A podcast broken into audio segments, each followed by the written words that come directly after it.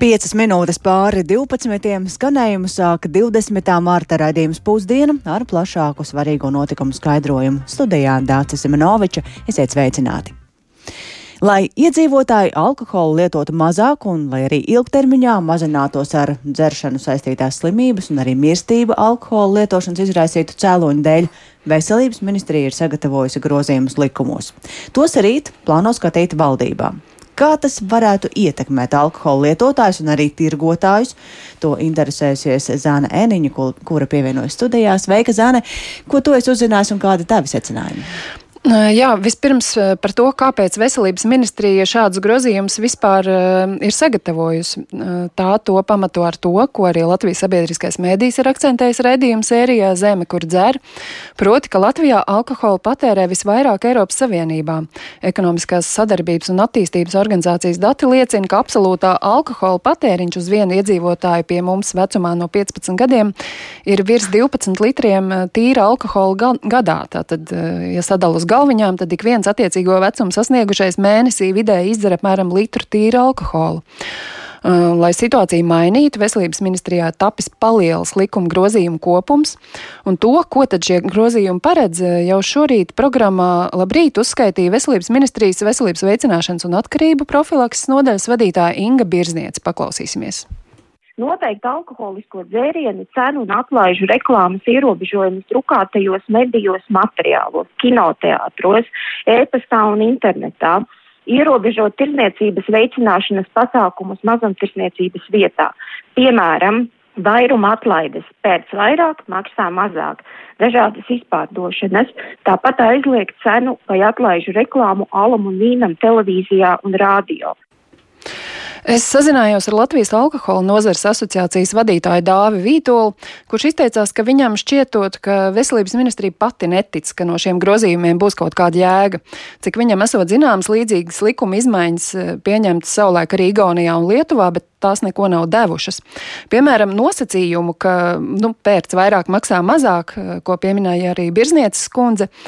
Uh, nu, proti, ka lielākam pirkumam nedrīkst būt izdevīgāka cena. Viņš pats esot eh, jau divās minūtēs izdomājis, kā apiet. Paklausīsimies, ko teica asociācijas vadītājs Dāvis Vītols. Ja attiecīgi šajā sešpakā iepako citu alu ar citu garšu vai citu tilpumu, tad attiecīgi uzreiz izrēķināt, cik maksā viena pudele ir praktiski grūti vai nereāli. Jā, un arī uh, informācija, mm, arī aizl plānoto aizliegumu informēt veikalu avīzēs par uh, dzērienu cenām, arī esot, uh, nu, tas esot nesaprātīgi, tāpēc, ka par alkohola cenām ir iespējams uzzināt uh, internetu veikalos un var arī mm, Tāpat arī reklāma sasniedz cilvēkus ne tikai caur kaut kādiem preses izdevumiem, bet arī YouTube. Tas esot nu, tāds formāls aizliegums. Vītols gan arī atzina, ka to vai no šiem grozījumiem būs kaut kāds labums vai nē, varēs vērtēt pēc ilgāka laika, nevis acu mirklī. Bet katrā ziņā viņš ir paredzējis rīt doties uz valdību un izklāstīt savus apsvērumus. Un par šiem grozījumiem, par grozījumu projektu būs ko teikt arī reklāmas asociācijai, bet par to turpmākajos ziņu raidījumos stāstīšu. Paldies Zanai Eniņai. Tātad rīt šis jautājums valdībā un arī tad lūkosim ilgtermiņā, vai tam būs arī kāds pienesums ilgākā laikā un um, iedzīvotāji alkoholu tiešām arī lietos mazāk. Mēs turpinām ar satricinājumiem finanšu tirgos. Noslēgtā vienošanās par Šveices bankas kredītu vispārdošanu tās konkurentei UBS bankai nav spējusi nomierināt finanšu tirgus. Šorīt gan UBS bankai, gan vairākām citām lielām Eiropas bankām samazinājās akciju akciju vērtība. Tomēr amatpersonas joprojām mierina, ka tiek spērti visi vajadzīgie soļi, lai pašreizējā nestabilitāte nepārvērstos par pasaules finanšu krīzi. Lai uzzinātu jaunāko informāciju, mēs šobrīd esam sazinājušies ar mūsu korespondentu Briselē, Arčomu Konuhovu. Labdien, Arčomu! Un vispirms par Jā, to. Labdien. Jā, vai vairāk nedaudz par šo kredītu visu pārņemšanu, ar ko šis darījums ir īpašs? Vispirms te ir jārunā par mērogu, jo Credit Suisse bija otra lielākā banka Šveicē, un arī pasaules mērogā tā tiek uzskatīta starp 30 lielākajām bankām, kas ir pārāk lielas, lai pieļautu to bankrotu. Un tas iedod mums sajūtu par to, cik nozīmīga un arī ar senu vēsturi ir šī finanšu institūcija. Tā nav tāda neliela banka vai nišas banka, kā mēs um, redzējām, teiksim, bankrotu ASV. Tādēļ Šveices valdībai, centrālajai bankai un arī finanšu regulātoram bija jādara viss, lai glābtu ne tikai kredītas Swiss, bet arī Šveices kā starptautiskā finanšu centra reputācija. Tas bija ļoti svarīgs apsvērums un arī finanšu tirgus stabilitāte nodrošināt plašāk. To arī par to arī runāja Šveices prezidents, kad viņš paziņoja par šo vienošanos.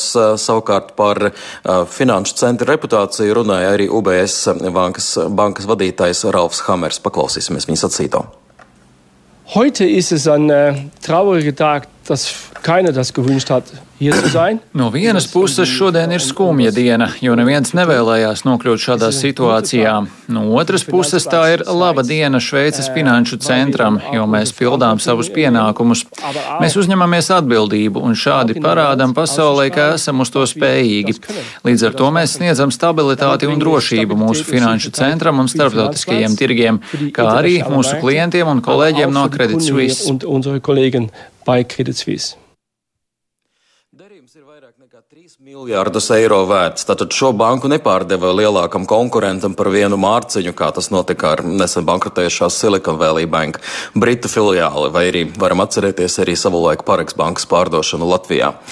Um, arī Credit Suisse akcionāriem tika piešķirtas UBS bankas akcijas, kaut arī šiem akcionāriem netika ļauts piedalīties lēmumu pieņemšanā par bankas pārņemšanu, un arī, protams, akcijas viņi zaudē, uh, akcionāri zaudē, ja, akcijas tika novērsta, banka tika novērtēta zemāk nekā tas bija, bija vēl piekdiena akciju tirgos. Gan UBS, gan arī Šveices centrālā banka ir sniegušas arī vairākas finanšu garantijas, lai banka varētu pārvarēt šo nestabilitātes periodu. Tomēr nozīmīgs jautājums tagad ir par to, ka UBS ir kļuvusi par globālu milzi un nav skaidrs, kurš varēs palīdzēt tai, ja šai, banka nākotnē, ja šai bankai nākotnē rastos kādas problēmas. Jā, tevis sacītajā dzirdējām, cik daudz jau ir izdarīts, bet saki, kāpēc investori un noguldītāji joprojām nu, sāsināt reaģē uz šo pašreizējo situāciju? Mēs redzam, ka tik tiešām tirgos turpinās nestabilitāte. Mēs redzam, ka šorīt tirzniecība ir sākusies ar to, ka vairākām bankām ir kritušās akciju vērtības, un te mēs runājam gan par Franču Milza BNP Paribas, gan par Societe Generale, gan arī par Vācijas Deutsche Bank un arī par Lielbritānijas tā, vairākām bankām. Līdz ar to te ir tiešām joprojām pastāv bāžas un aizdomas un neticība tam, ka arī citām bankām nevarētu būt kādi problemātiskie aktīvi. Un tad, tad tas ir tā, ir tā lielā nestabilitāte, ka investoriem nav pārliecības, ka ar pārējām bankām arī viss ir kārtībā un ka tās tiešām spēs pārvarēt šo situāciju, un tāpēc turpinās nestabilitāte, un tāpēc ir sagaidāms, ka arī visticamāk varētu tikt spērti vēl kādi papildus soļi, lai nomierinātu tirgus, lai pateiktu, ka tiešām kopš 2008. 2008. gada finanšu krīzes ir darīts pietiekami, lai situācija mm, neatkārtotos, lai finanšu krīze neatkārtotos, lai bankas būtu stabilas, lai tām būtu pietiekama likviditāte, proti, tam pietiktu naudas, lai arī vajadzības gadījumā izturētu kādas pārmaiņas. Bet nu, pagaidām, pagaidām joprojām šī pārliecība un, un miers finanšu tirgos nav parādījies. Jā, nu gan ir daudz vēl neskaidrību. Paldies Ārķomam Konohovam par šo komentāru un skaidrojumu. Šodien vizīti Krievijā sāka Ķīnas prezidents Sīdziņpins. Gaidāms, ka Maskava un Pekina vizītes laikā nostiprinās attiecības to starp ekonomikā. Tikmēr Ukraina un Rietumi neslēpi bažas par abu valstu tuvināšanos. Plašāk šo tēmatu turpina Rihards Plūme. Ķīnas prezidents Ķīziņpins došanos uz Maskavu raksturo kā draudzības, sadarbības un miera ceļojumu. Sīkas pirms vizītes citāts Krievijas un Ķīnas medijos sacījis, ka cer uz sadarbību ar Krievijas prezidentu Vladimiru Putinu, lai kopīgi pieņemtu jaunu redzējumu par attiecībām. Tikmēr Putins uzskata, ka Pekina ir gatava spēlēt konstruktīvu lomu kara izbeigšanā un piebilst, ka abu valstu attiecības šobrīd ir augstākajā punktā. Sī un Putins pirms oficiālajām sarunām, kas gaidāmas rīt, šodien rīkos neformālu individuālu tikšanos un vakariņas. Sagaidāms, ka Maskava un Pekina parakstīs vienošanos par abu valstu visaptverošas partnerības stiprināšanu un strateģisko attiecību ieiešanu jaunā ērā, kā arī kopīgu deklarāciju par Krievijas un Ķīnas ekonomisko sadarbību līdz 2030. gadam. Šī gada pirmajos divos mēnešos Ķīnas eksports uz Krieviju pieaudzis par teju 20%, bet imports par 31%.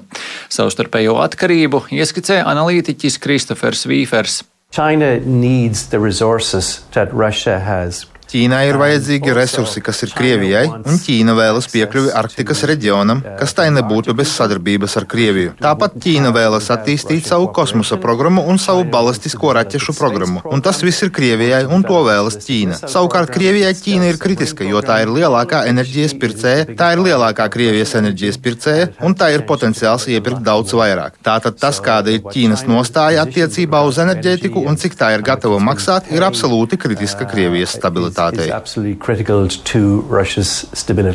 Rietumu valstis ir kritizējušas Ķīnu par tās it kā neitrālo pozīciju un klusējošo atbalstu Krievijai.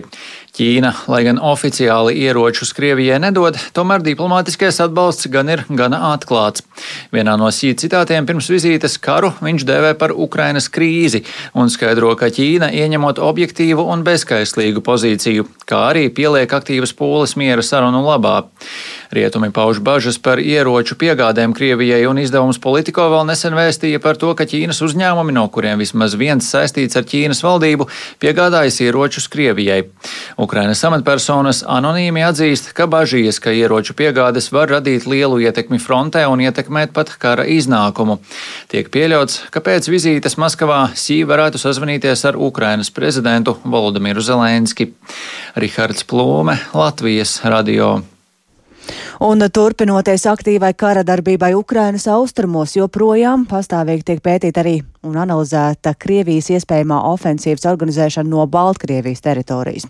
Taču šobrīd eh, Krievija Baltkrievijas teritoriju izmanto tikai un vienīgi kā savu militāro spēku apmācību poligonu. Par to šodien Ukrainas medijas informēja Ukrainas apvienoto spēku pavēlnieks ģenerālleitnants Serhijs Najevs. Turpina Rustams Šukūrovs. Ukrainas apvienoto spēku pavēlnieks ģenerālleitnants Serhijs Najevs sarunā ar žurnālistiem norādīja, ka šobrīd Krievijas triecienu formējumi nav dislocēti Baltkrievijas teritorijā. Pagaidām Krievija izmanto Baltkrievijas militāro infrastruktūru, poligonus un lauka mācību centrus tikai kā vietu militārā personāla apmācībai, koordinēšanai un skaitliskā sastāva papildināšanai. Pēc komandiera teiktā, Baltkrievijā izveidotās Krievijas federācijas vienības ar ešeloniem tiek nosūtītas uz Ukrainas austrumiem un dienvidiem. Tajā pašā laikā pie Ukrainas robežas izvietojamām Baltkrievu vienībām nav trieciena potenciāla. Kā paskaidroja Najovs, Baltkrievijas karaspēks ir spējīgs tikai sargāt valsts robežu. Šobrīd Baltkrievijas bruņoto spēku kaujas spējas tiek vērtētas kā zemes, taču Ukrainas izlūkdienesti turpina strādāt, lai laikus konstatētu situācijas izmaiņas, sacīja Najovs. Tikmēr Čehijas prezidents Peters Pavels, runājot jau par Ukrainas plānoto ofensīvu, atzīmēja, ka tam būtu jānotiek šā gada laikā. Intervijā poļu laikrakstam Žečepospolita Pavels uzsvēra, ka nākotnē būs ārkārtīgi grūti saņemt palīdzību no sabiedrotajiem jaunam mēģinājumam. Kā iemeslu tam Čehijas prezidents minēja nogurumu no kara. Nogurums no kara ir ne tikai saistīts ar cilvēku resursu un aprīkojuma izsīkumu un infrastruktūras iznīcināšanu Ukrainā, bet arī ar nogurumu valstīs, kas sniedz palīdzību, sacīja Pavels. Tikmēr militārais eksperts Franks Ledžbičs intervijā telekanālam Deutsche Welle atzīmēja, ka Ukrainas karaspēka ofensīva visticamāk notiks maijā, taču pēc analītika domām nevajadzētu sagaidīt, ka Ukrainas karaspēka ofensīva rezultēsies ar lieliem ieguvumiem. Nevajadzētu sagaidīt straujus ieguvumus. Krievi šai ofensīvai gatavojās apmēram četrus mēnešus. Viņi ir veikuši diezgan būtiskus inženiertehniskos darbus, lai pretotos Ukrainai, un tas prasīs zināmu laiku un daudz pūļu, lai tos pārvarētu. Ledvičs arī atzīmēja to, ka Ukrainas karaspēka ofensīvas rezultāti būs atkarīgi arī no tā, vai ofensīva ietvers Krievijas okupētās Krimas pussalas virzienu. Rustam Šukurovs, Latvijas Rādio. Un atgriežamies pašmājās. Šodien Latvijā sākas starptautiskas militāras mācības Kristāla Bulta. Kas turpināsies līdz marta beigām. Tajās piedalās aptuveni 3000 karavīru no Latvijas, ASV, Vācijas, Lielbritānijas un NATO paplašinātās klātbūtnes kaujas grupas. Šorīt programmā Labrīt Nacionālo bruņoto spēku komandieris Leonīts Kalniņš aicināja iedzīvotājs izturēties ar izpratni pret šīm mācībām, savukārt runājot par skandalozo Nacionālo bruņoto spēku pārtikas iepirkumu. Kalniņš uzsvēra, ka gadījumā, ja tiktu pārtraukts līgums ar izraudzīto piegādātāju, NBS spētu iztikt, jo pastāv rezerves variants, un paklausīsimies viņa teikto kolēģiem Dairai Zīlai un Ārtai Skujai joprojām ir spēkā apmēram 17 līgumi. Tās ir tādas vispārējās vienošanās, kuru ietvaros nav noteikts līguma darbības beigu termiņš. Tas nozīmē, ka jebkurā gadījumā mums ir rezerves variants, kad eh, mūsu ēdnīca bez pārtiks nepaliks. Bažu, ka varētu būt kāds problēmas šai sakarā, nav nekāda. Nē, mēs esam ļoti elastīgi un reaģēsim ātri. Šodien sākas militārās mācības Kristāla Bulta, kas būtu jāzina civiliedzīvotājiem. Nu, pirmkārt, nevajag uztraukties. Un es domāju, ka mūsu sabiedrība ir jau zināmā mērā pieradusi, kad mums eh, notiek ļoti aktīva darbība Ādaša poligonā un ļoti aktīva darbība visā Latvijas teritorijā, gan uz ceļiem, gan gaisa telpā. Tā darbība mums jau ir diezgan aktīva jau kopš 2014. gada, kad pakāpeniski mums Latvijā eh, lielākā skaitā uz uzrādās mūsu sabiedrotie.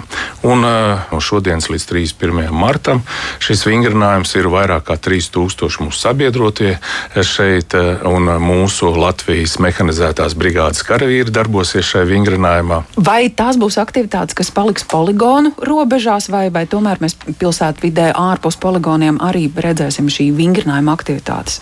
Nu, principā gan, gan, bet lielākā mērā tas būs ādažu poligonā, kur notiks eh, kaujas šaušana. Bet ko sabiedrība redzēs, tas ir pārvietošanās pa ceļiem un gaisa telpā. Nu, jau zinām, ka Sēlijā tapas militārā bāze.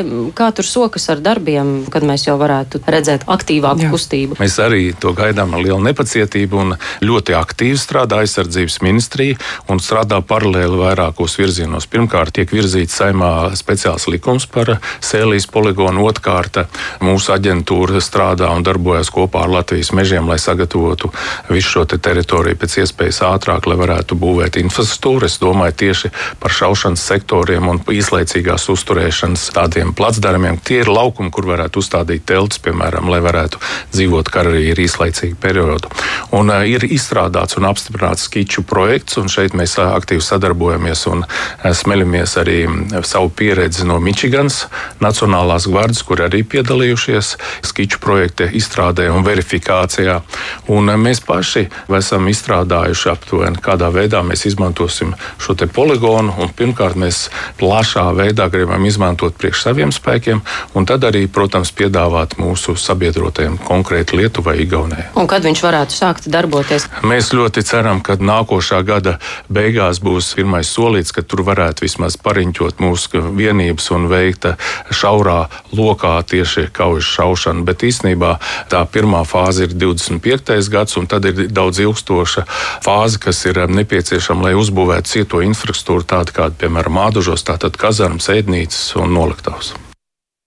Tā Nacionālo bruņoto spēku komandieris Leonīts Kalniņš un atgādinu, ka tātad Latvijā šodien sākas starptautiskas militāras mācības Kristāla Bulta. Tās turpināsies līdz marta beigām. Mācības gana plašas, tajās piedalās aptuveni 3000 karavīri no Latvijas, ASV, Vācijas, Lielbritānijas un NATO paplašinātās klātbūtnes kaujas grupas. Un līdz ar to arī bruņotie spēki aicina iedzīvotājus um, ar izpratni izturēties pret šīm mācībām, jo tās notiks gan ādažu poligonu poligonā, gan arī būs pamanāmas ārpus tās, gan gaisa telpā, gan uz um, uh, ielām.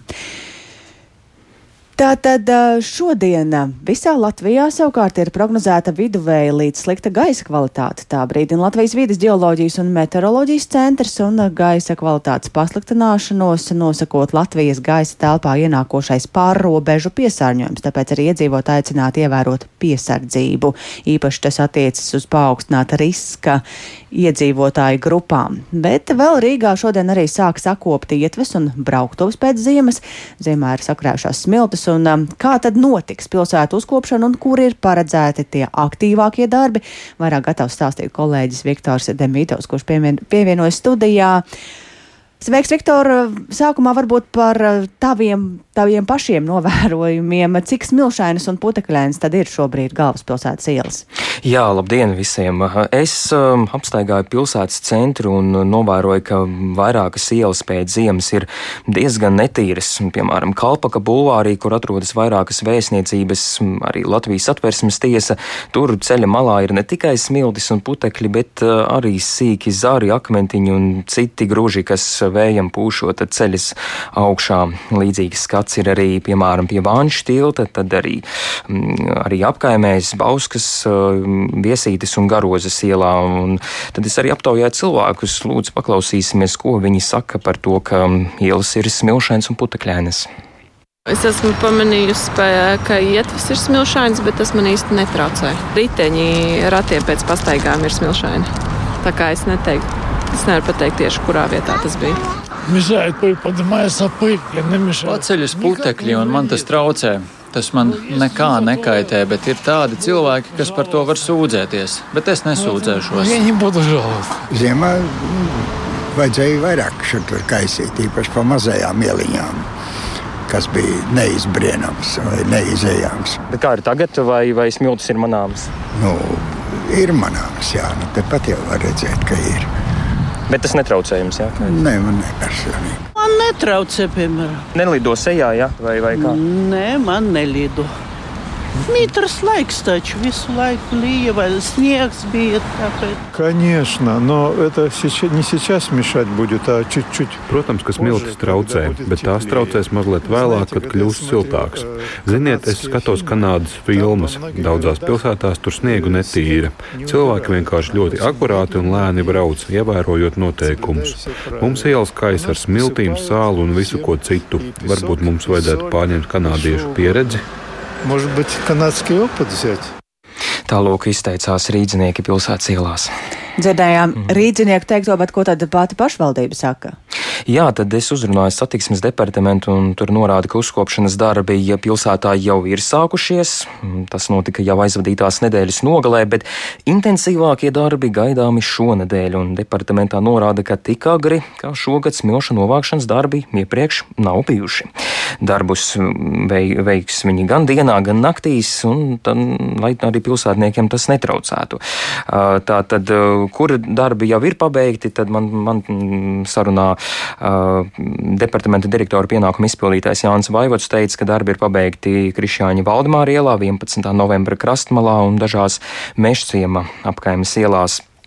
Un, un tad, tātad šos netīrumus vāks gan ar tehniku, gan ar uh, rokām, un uh, plānots, ka darbus pabeigs mēneša laikā. Tad, uh, ja vēl runājam par pašām smiltīm, tad šobrīd tās smiltis vietām vēl ir slapjas un sasalušas, tādējādi tas apgrūtina to savākšanu gan uz ietvēm, gan brauktuvju daļā, un tad, kā jau minēju, darbi, darbus plānots veikt dienas laikā, kad gaisa temperatūra pārsniegs 0 grādu gadus un ir piemērota to veikšanai. Un departamentā arī norādīja, ka jā, šogad, eh, šonedēļ ir plānots arī, ka, ka var kādu brīdi uzlīt arī lietus, un tas darbs attiecīgi departamentam um, nu, sagādās kaut kā sava, sava veida grūtības, eh, bet neatkarīgi no tā departaments raugās uz to uh, cerīgi, un, un, un mēnešu laikā, kā jau minēju, tad uh, pilsēta būs uzkopta.